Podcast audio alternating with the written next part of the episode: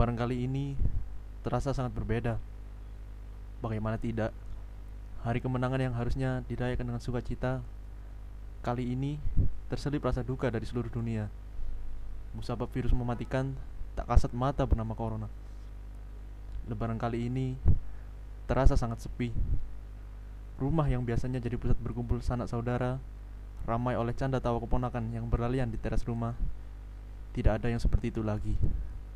Lirih, hening, sunyi. Lebaran kali ini semesta ingin membuat betapa kita harus lebih menghargai sebuah ikatan, sebuah sentuhan, dan sebuah pertemuan. Ah, tetapi kita kan tidak hidup di zaman batu. Dengan senyum lebar, kita bisa bertukar kabar melalui ponsel pintar. Ya walau rasanya tidak sama dan samar. Tetaplah bersabar. Jangan kau terus pilu. Lekas pulih semestaku. Maaf atas segala angkuh. Dari tempat berjauhan, untukmu kawan, selamat lebaran.